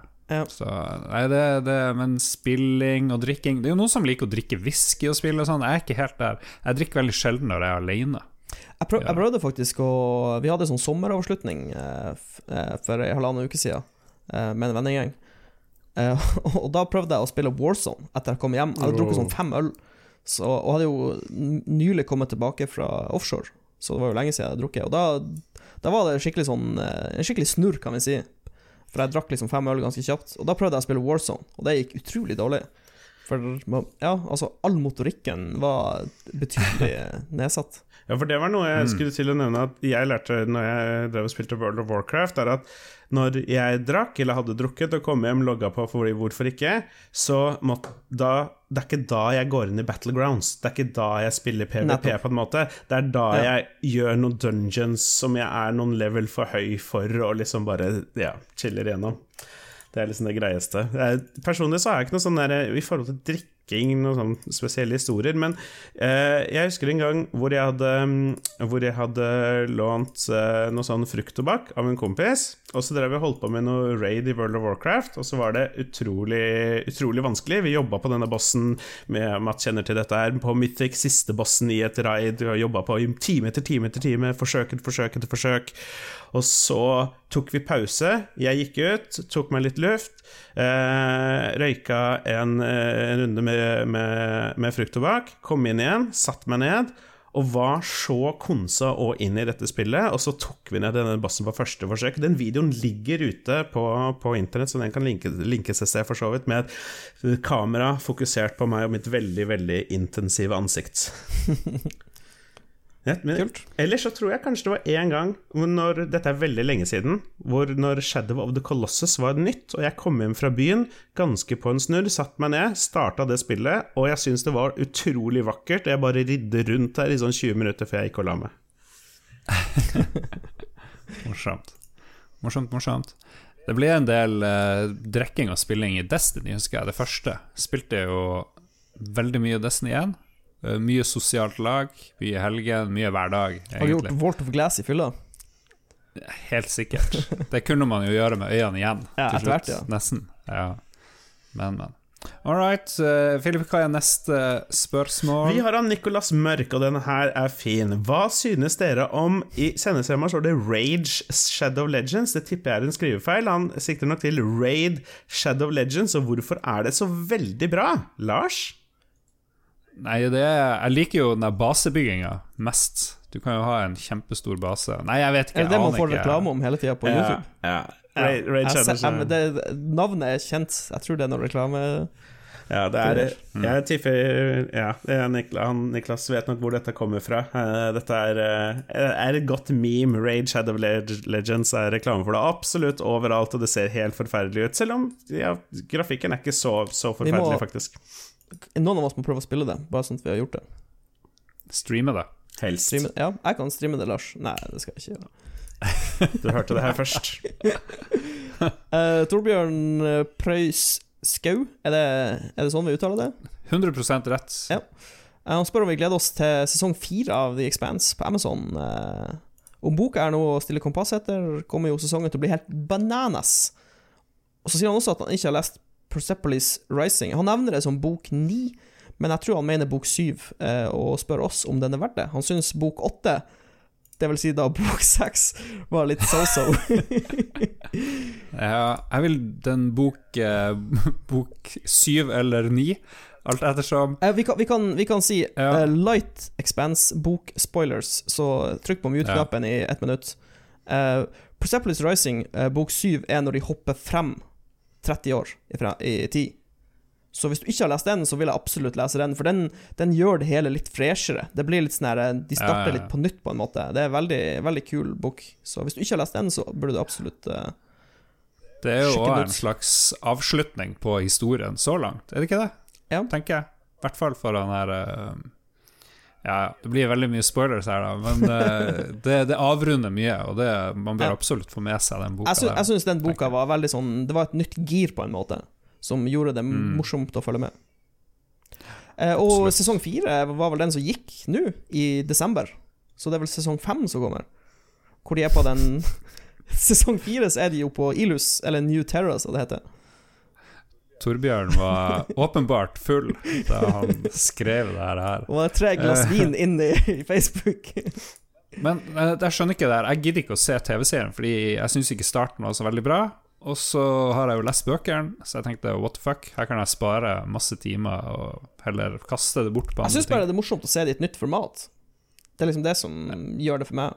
Og så elsker jeg science fiction, så om jeg har lest bøkene, det har ikke noe å si. Jeg syns bare det er morsomt å se, se dem filmatisere det i tillegg. Ja. Ok. Even André Aarseth, hva er den beste norgesferien? Telttur, camping, roadtrip, hotell, motell? Og vil man absolutt reise utenlands i redaksjon? På det siste, nei. Jeg har veldig lite lyst til å reise sørover til Oslo, f.eks. Eh, FU. Men eh, telttur Hva er deres holdning til telttur? Jeg er lite fan.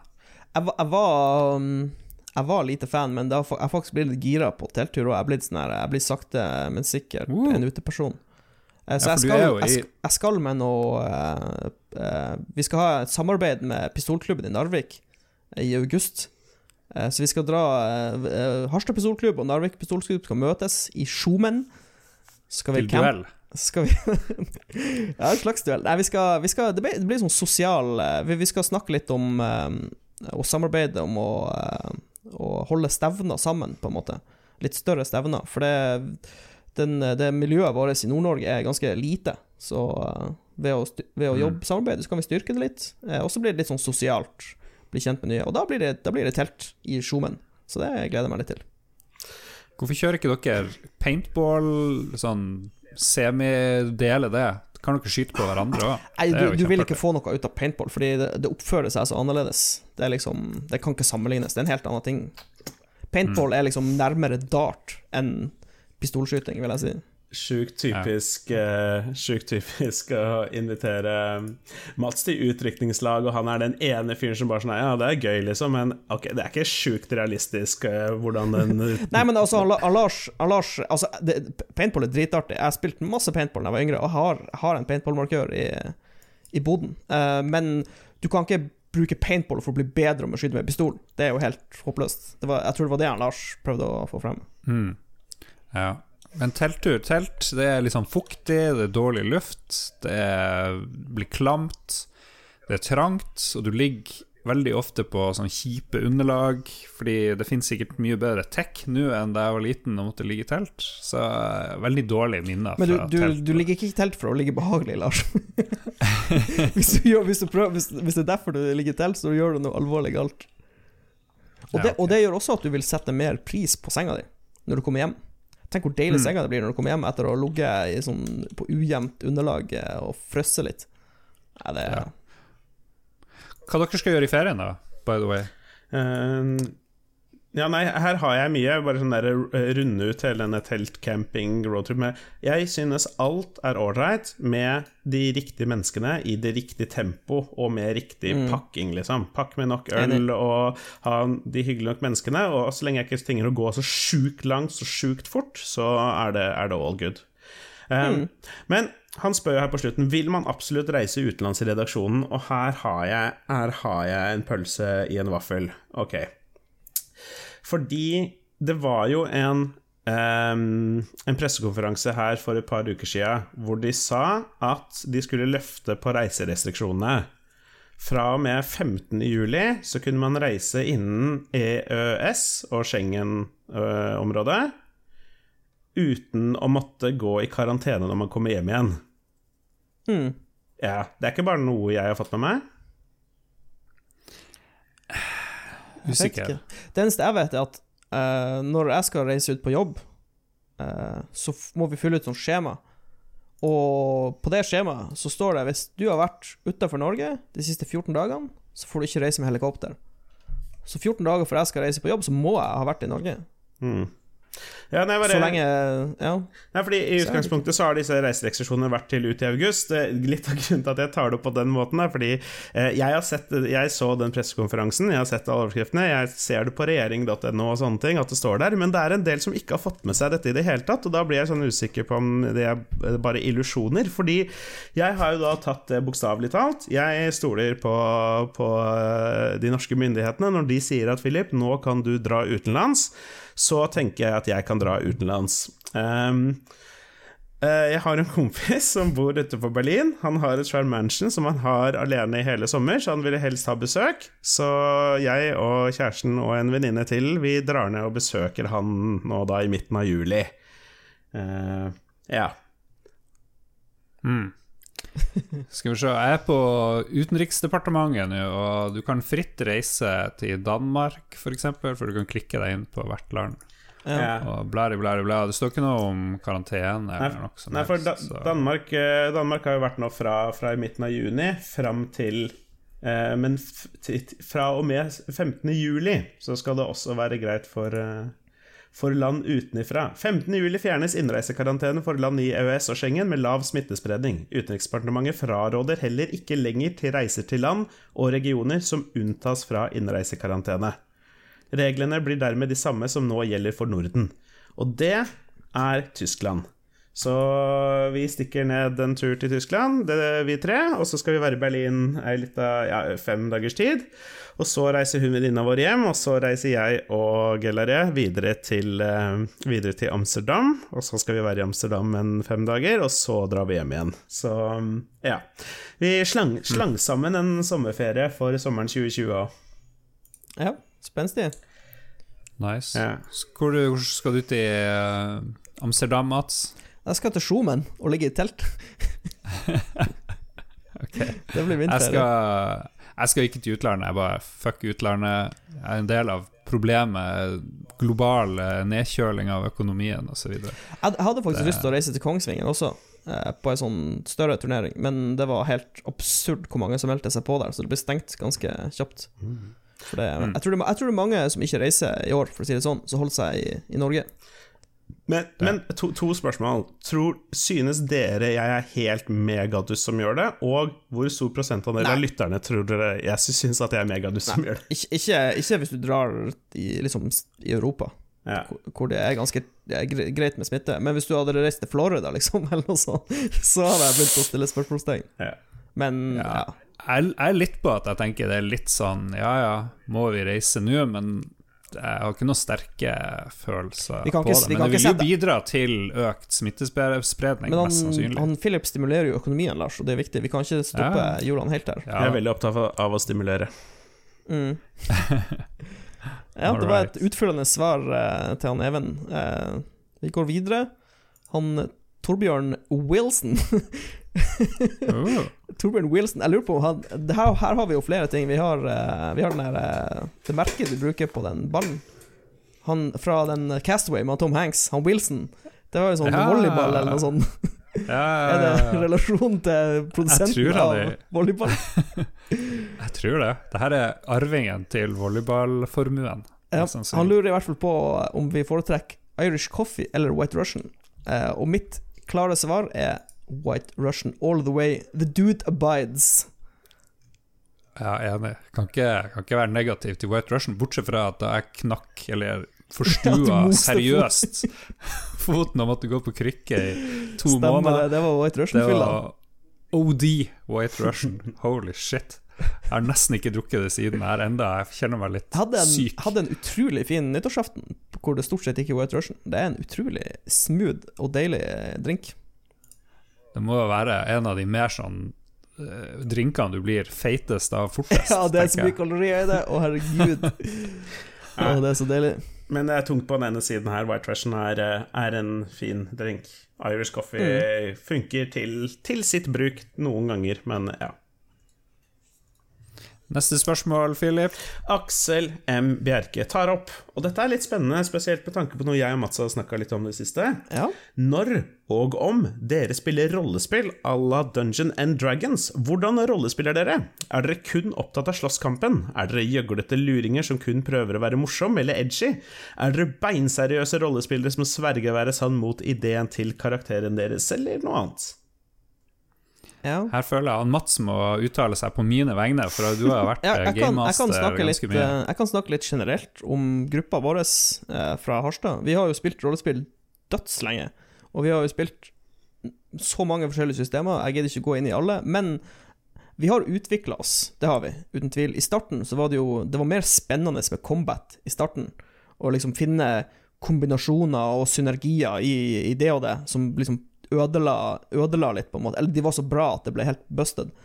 Men nå i senere tid, når vi spiller, så er det Det er veldig lite fokus på kamp, eh, vil jeg si. I hvert fall når vi spiller eh, Jeg er jo gamemaster i Shadowrun, og da er liksom kampen er en liten del av det. det jeg syns det er mest morsomt når de spillerne prøver å snakke seg forbi en plass, eller finne ut av noe, og det er liksom det som er morsomt. Og så har jo vi har jo en tendens til å ha noen som er litt sånn psykopater. Altså, eller litt sånn eh, Han Lars sin karakter har jo prøvd å lære folk språk med vold. og få folk til å kommunisere og forstå noe ved hjelp av vold, som fungerer særdeles dårlig. Så det er liksom Ja. Hmm. Rollespillinga har Ja. tatt over for kamp kampen, da, for oss som, eh, som spillere. Altså, vi Ja. Vi liker å prate og, og vitse og fleipe og flire. Det er absolutt. Ja. Vi er, jo- det er jo kjedelig å spille en helt normal person, for det Nettopp. er vi jo til daglig. Nettopp. Du har lyst til å være en litt fargerik karakter, på en måte. Ja, og her Så merker jeg jeg støtter det.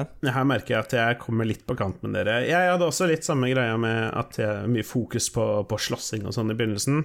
Uh, det er jo ikke egentlig i seg selv så spennende sånn i lengden. Så selvfølgelig det å utforske verdenen og mulighetene og gjerne dialoger og sånne ting syns jeg er veldig spennende. Men det jeg syns er slitsomt i noen av de gruppene som jeg har vært med eller sånn noen av de eh, rundene vi har spilt, er at man velger seg på en måte en persona figur som er liksom helt detrimental Eller liksom Den er destruktiv for progresjon i historien, da, på en måte. Og det synes jeg er så slitsomt. For eksempel en gang så spilte vi en runde hvor en fyr fant ut at han, han satt i rullestol.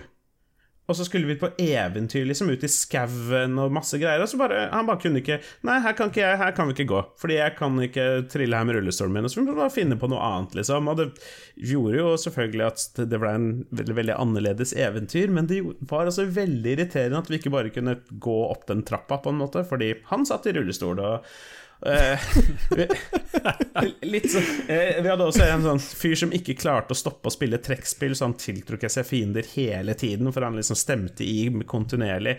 Eh, og samtidig så jeg spilt med en barbar-type en gang, som var sånn 50 IQ, megasterk barbarfyr, og det kan være litt artig. Problemet er at han var så dum at han, han bare døde så fort det var mulig å dø, for han gjorde megadumme barbarvalg, på en måte. Og, og da blir det bare sånn, ok, greit, da, men da blir det litt mindre morsomt for meg, av en eller annen grunn. Ja. Mm.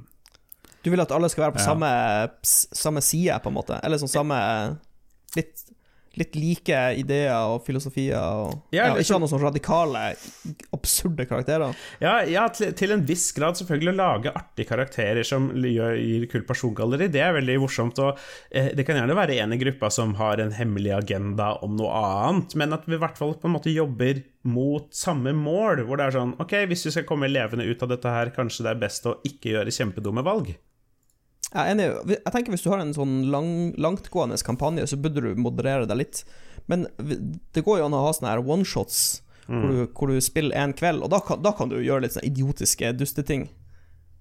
Vi har jo Ja, hatt sånne her ja. sessions hvor, vi, hvor alle spillerne er goblins og kommer fra samme stamme, og alle er bare helt megaidiot, liksom.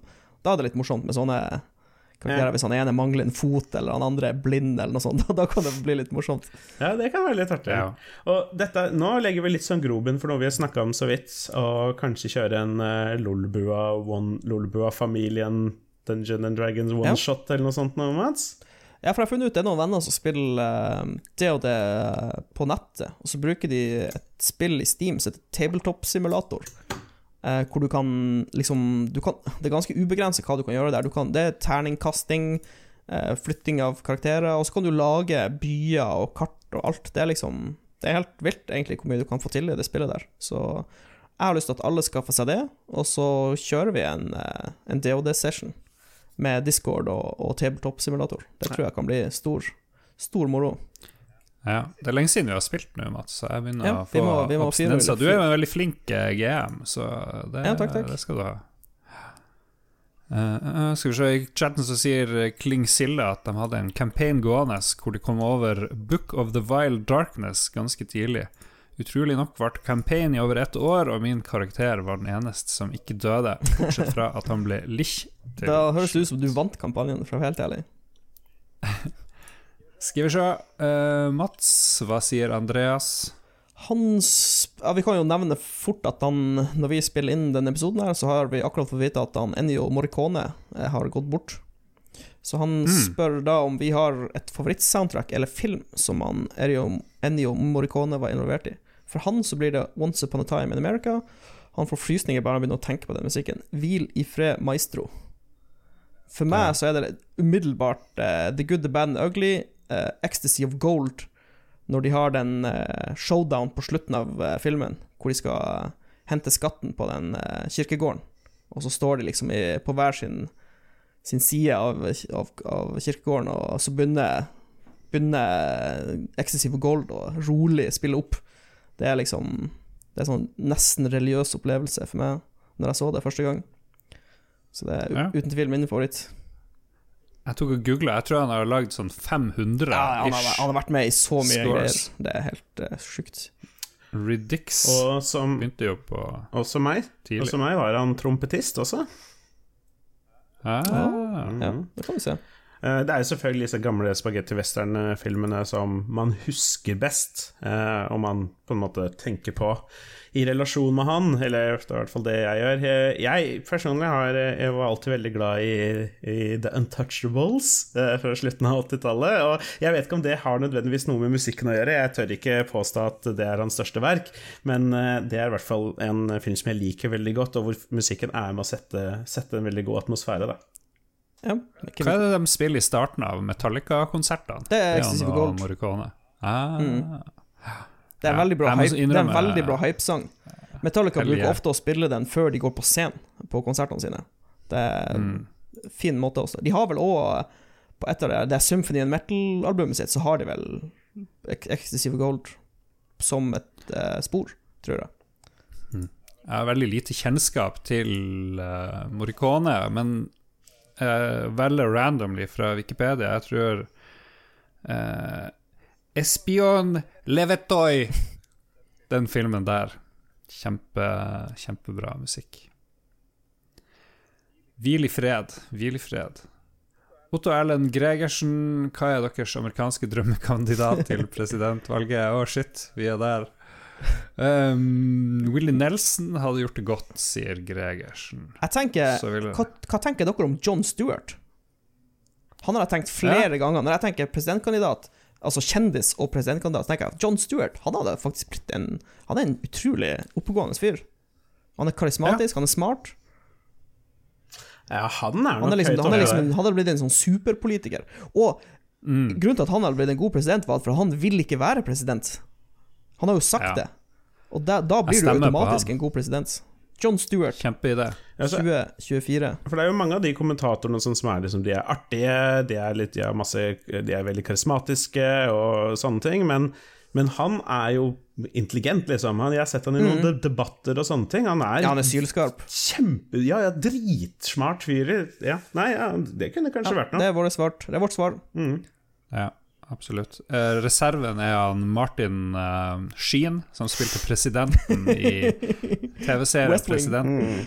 Han virka utrolig fantastisk president, så Ja. jeg tipper han er nøyaktig sånn på Ja, det er jo tidenes beste president.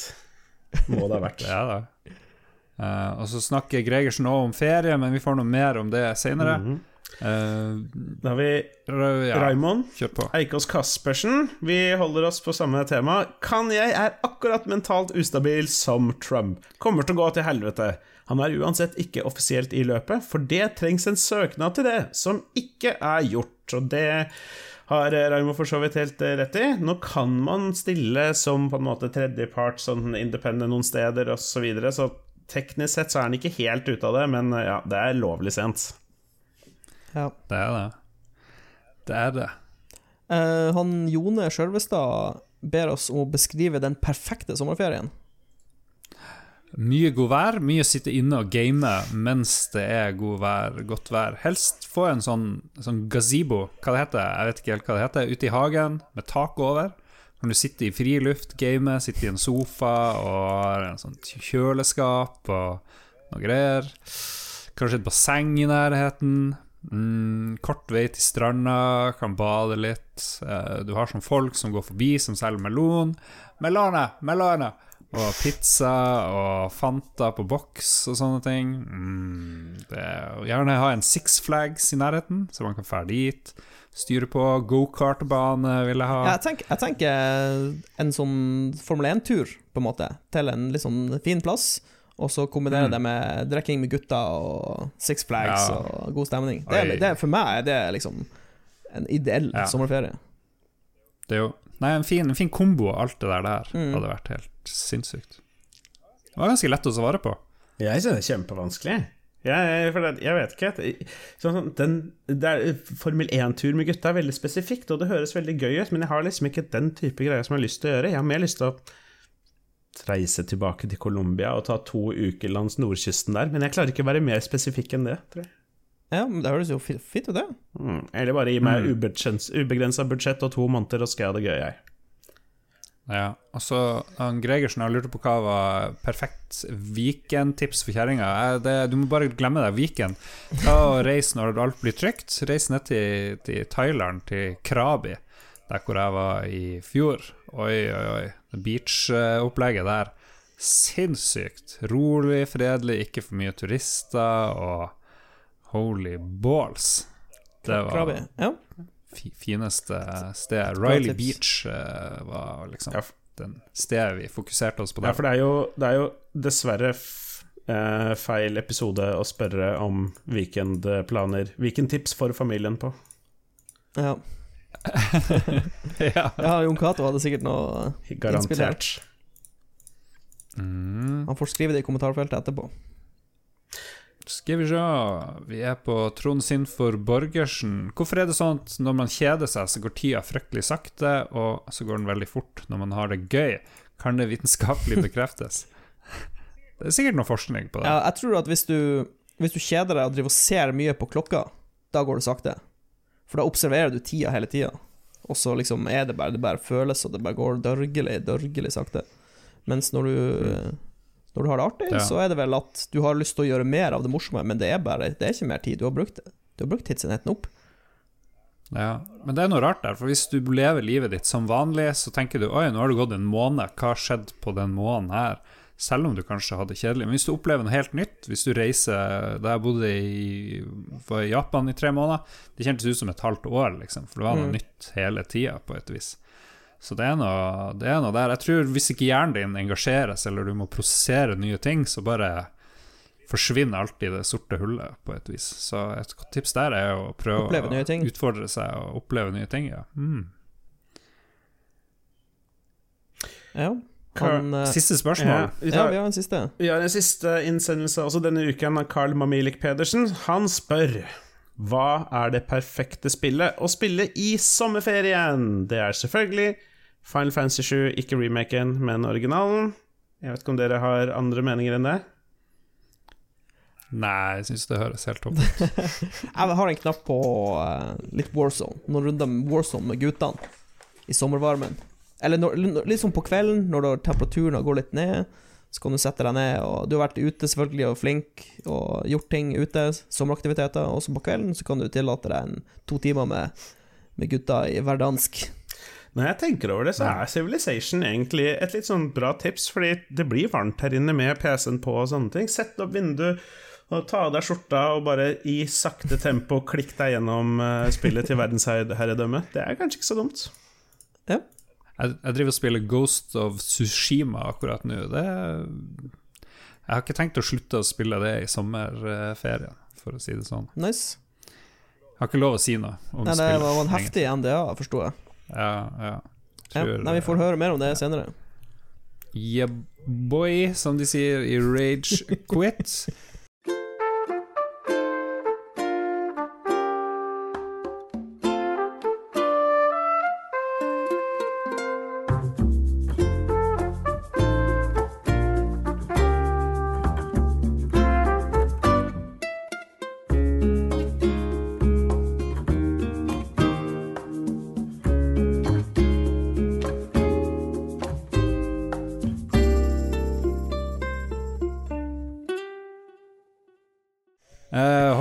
Holy vi er på anbefalingsspalten. Jesus lord. Skal vi drite i Nå har jo du fått god tid å tenke, Lars. Hvor mange uker på rad har du utsatt anbefalingsspalten da? Lars, Nei, okay, kan, Lars, du kan få tenke deg om mens vi tar våre eh, Ja, greier. Jeg kan, jeg kan hoppe først i det. Vær så god, Mats. Jeg har jo anbefalt veldig sånn her eh, eh, Veldig eh, Nå finner jeg ikke ordet. Hvor er ordene mine? Eh, ting, ting som er veldig sånn her eh, Som et sånn løst konsept. Hva, er det, hva, hva vi kaller det? Ikke definert. Abstrakt. Udefinert. Abstrakt. Abstrakt. Jeg har kommet Mm. med veldig abstrakte anbefalinger de siste episodene. Altså ikke konkrete ting, men nå skal jeg komme med en veldig konkret sak. Uh, dette er en dokumentar jeg så faktisk i fjor. Men jeg så gjennom min notatbok over film og TV-serier jeg har sett, og så dukka den opp, og så kom jeg på Oi, denne anbefalte jeg faktisk ikke. Den kan jeg jo trygt gjøre. Det er en eh, dokumentar som handler om eh, noen eh, klatrere. Den heter The Dawn Wall, eh, og handler om eh, to karer, Tommy Caldwell og han Kevin Jorgesson, som skal prøve å klatre et parti eh, i et fjell som heter El Capitan, i en sånn nasjonalpark i USA, som jeg faktisk har uttalt feil hele livet mitt. Den heter Yosemite, og jeg har alltid sagt Yosemite i hodet mitt når jeg har lest det ordet, men det er Yosemite eh, nasjonalpark. Det er et sånt svært fjell som heter El Capitan. Dere har sikkert sett bilder av det. Det er ganske kjent. Eh, og på det fjellet så er det masse sånn forskjellige partier som er utrolig vanskelig å klatre. De her klatrerne elsker jo å lage sånn rute, hvor liksom tegner opp hvor du skal klatre, og så gir de det vanskelighetsgrad, og det er sånne sykt eh, tekniske greier. Eh, og de skal klatre et parti som heter The Dawn Wall, som er et sånn her eh, Det er helt sjukt, for det ser bare ut som Når du ser bilder av det, så ser det bare ut som ei sånn gigantisk steinblokk som er helt glatt. Når du ser det partiet, så tenker du det går ikke an å klatre der. Det er, det er umulig. Men de eh, planla i seks år eh, rute, og så skulle de gjennomføre det da i 2015. Og det handler om forsøket deres. Så kan jeg, kan jeg Jeg tenker ikke å si om det går eller ikke. Kan, dere, dere kan se dokumentaren for å se resultatet. Men det var i hvert fall en veldig bra lagd eh, dokumentar. Eh, Du trenger ikke å bry deg om klatring for å se dokumentaren. Jeg, jeg kan ingenting om klatring. Jeg har aldri klatra i mitt liv, men eh, for meg så var det en utrolig fascinerende dokumentar. Litt sånn som den Mm. The Last Dance Michael Jordan-dokumentaren Nettopp. Du trenger ikke å like basketball for å se The Last Dance. Du trenger ikke å like klatring for å se The Dawn Wall. Det er bare en, en bra lagd dokumentar om to, to flinke gutter. Jeg ser for meg at du begynner å klatre ganske snart. Jeg har ikke klatrekroppen, dessverre. Eh, Jeg er 20 kilo for tung for å være klatrer. Men jeg kan bli, jeg kan bli en uh, terrengsykler. Det, det kan jeg bli. Men uh, Begynner med terrengsykling, kiloene bare raser, raser ja, av. Kanskje, kanskje. Hvis jeg veier 75 i stedet for 95, så kan vi snakke. Jeg spår det Hvis det kommer elektronisk klatreutstyr, el-klatreutstyr, Mats Ja, en sånn, eh, ja, en sånn, det er sånn skjelett, sånn exoskjelett du tar på deg. Da, vet du hva, hvis det kommer, Lars, da skal jeg begynne å klatre. ja. Jeg tipper at eh, nest, neste sommer så sitter vi her og spiller en episode, og så har Mats brukt sånn 40 000 på klatreutstyr og buldring eh, g- g- Ja, greier. det, ja, altså, vi kan ikke utelukke noe her, folkens.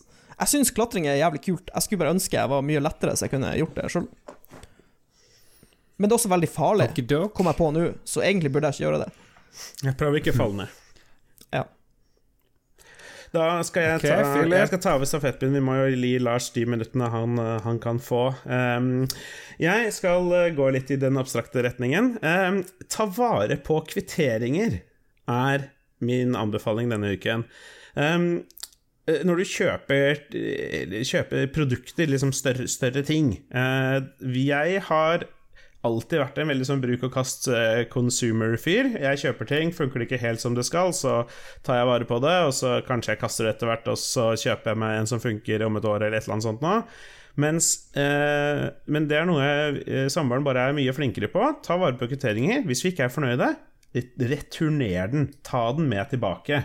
Det har vi gjort masse av nå i det siste, og det gjør at jeg har mye mindre av ting som jeg ikke trenger og ikke vil ha, og har faktisk de riktige tingene. Um, sånn at jeg slipper å fylle boden med masse dritt. Så det er veldig ålreit.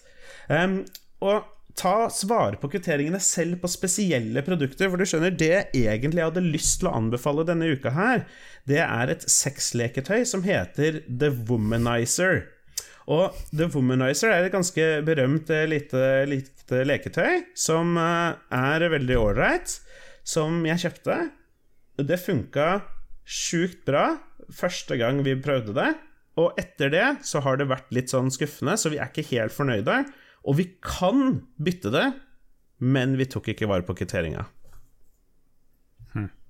Kan du bytte sexleketøy? Det høres jo helt Det er det, ut. det er det jeg på en måte reagerte på, jeg også, for jeg tenkte at det, det kom Jeg tenkte det var som truse, liksom. Ja, at liksom det, det kommer ikke til å på en måte Det kommer ikke til å være en greie, da. Den, denne Men så- har vært inni noen. Vær så Ja, god. nei, nei, den ikke, nei den, her vil, den, den her brukes ikke inne. Den her brukes okay, utenpå. Okay, okay. Den er, den er ekstern. Ja. Nei, da bruk. så, da er det jo greit.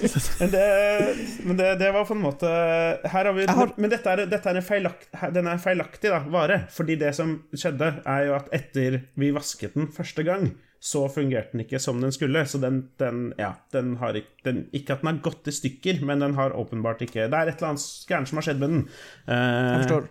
Og hadde vi hatt jeg, har faktisk, jeg har faktisk en tilleggsgreie til Philip. Mhm. Ikke bare ta vare på kvitteringer, men skann dem på telefonen din. Last de opp som PDF på Drive. Så har du de digitalt. Så slipper du å ha ei sånn skuffe med 100 gamle papirkvitteringer. Så begynner liksom skrifta å falme litt etter hvert, så sliter du å se hva som skjer, og så Ja. Så Hmm. skann skann kvitteringer. Det er genialt. Ja, det er kanskje ikke så dumt. Okay. Det ser ut som en uh, vi WeMote. Vist. Vi får vist deg sexleketøyet på streamen, og du kan bevege den som En en sånn, det er sånn nunchuck. Ja, Uh. bare sett på en liten analogspak, så Ja, ja, ja. Mm. ja, ok. Ja, men det var jo en liten, en liten sak. Den har nok butikken lyst til å få tilbake, tenker jeg. Ikke uten, ikke uten Ikke uten kvittering. kvittering. Ja. Alright. Jeg har blitt kritisert veldig for å anbefale ting som har med at jeg har fått ny kjæreste å gjøre, og jeg tenkte nå skal jeg virkelig skjerpe meg.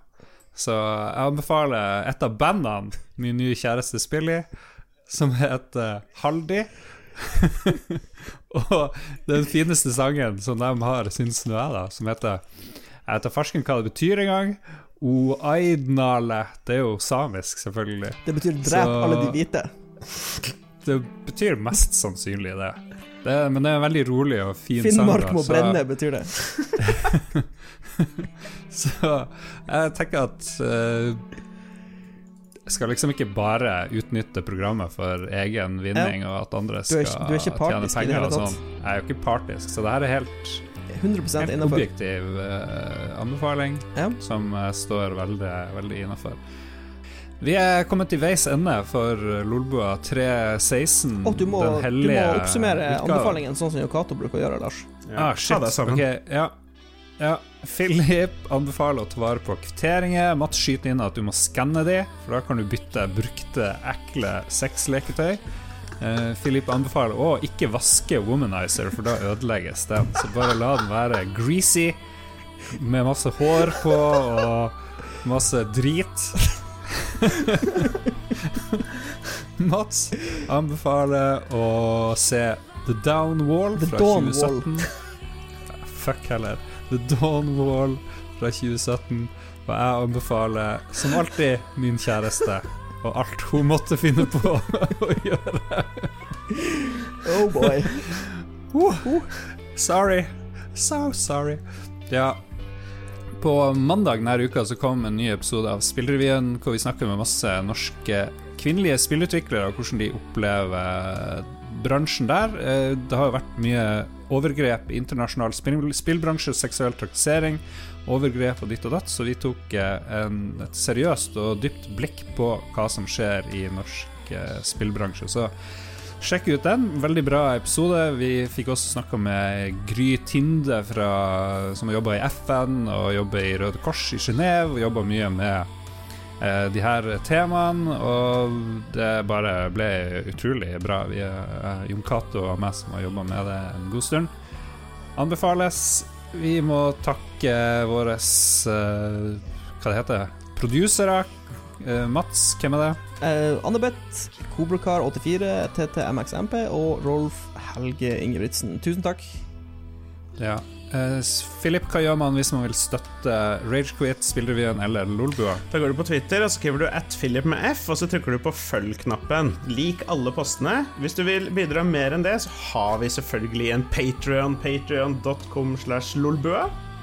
Hvor eh, du, kan, eh, hvor du kan se det er forskjellige tiers, og dette er et fint tidspunkt å begynne å følge med på den på, for nå skal vi revampe eh, Patronen vår, så nå blir det masse nye, kule ting som du får for en, eh, for en, for en fin, liten investering, og det vil selvfølgelig hjelpe både Lolboa, Spillrevyen og Ragequit til å fortsette å produsere episoder hver uke.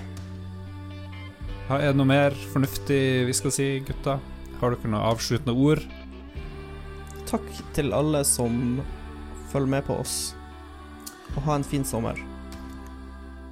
Ja, og hvis dette er siste gang jeg snakker med dere, fordi jeg nå skal ut og reise i Europa et par uker og komme hjem med korona, så har det vært en fin reise.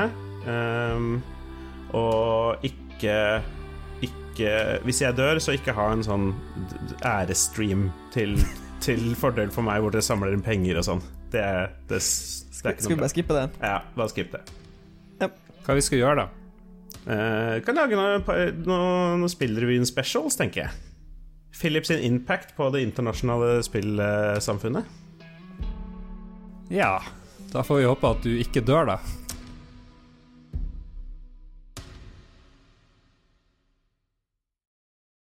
Har du et enkeltpersonforetak eller en liten bedrift? Da er du sikkert lei av å høre meg snakke om hvor enkelt det er med kvitteringer og bilag i fiken, så vi gir oss her, vi. Fordi vi liker enkelt. Fiken superenkelt regnskap.